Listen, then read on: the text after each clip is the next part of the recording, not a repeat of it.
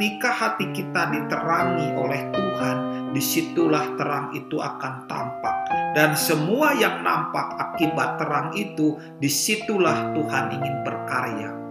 Ketika kita masuk dalam satu ruangan yang gelap, Tuhan ingin di tempat gelap itu dinyalakan terang.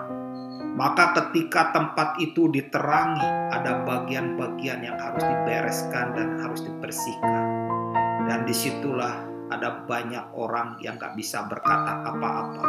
Tidak merasa lebih baik daripada orang lain, tidak bisa lebih rohani daripada orang lain. Kenapa? Karena urusan kita sedang diterangi. Tetapi orang-orang yang berani menghakimi, berani berkata-kata yang tidak senonoh, berani melakukan perkara-perkara menghakimi dan mengadili orang lain, membicarakan, menggosipkan, menjelekan dan memfitnah itu tanda bahwa hati mereka per, belum pernah diterangi oleh Tuhan.